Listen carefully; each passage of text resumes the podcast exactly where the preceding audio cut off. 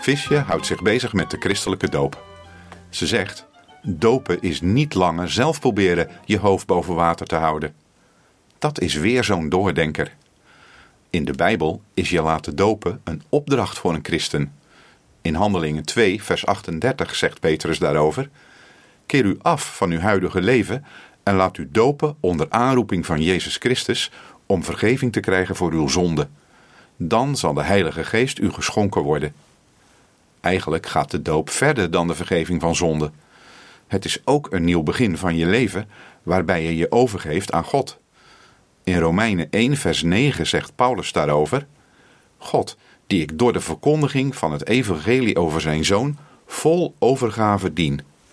Dopen is niet langer zelf proberen je hoofd boven water te houden, maar je overgeven aan God.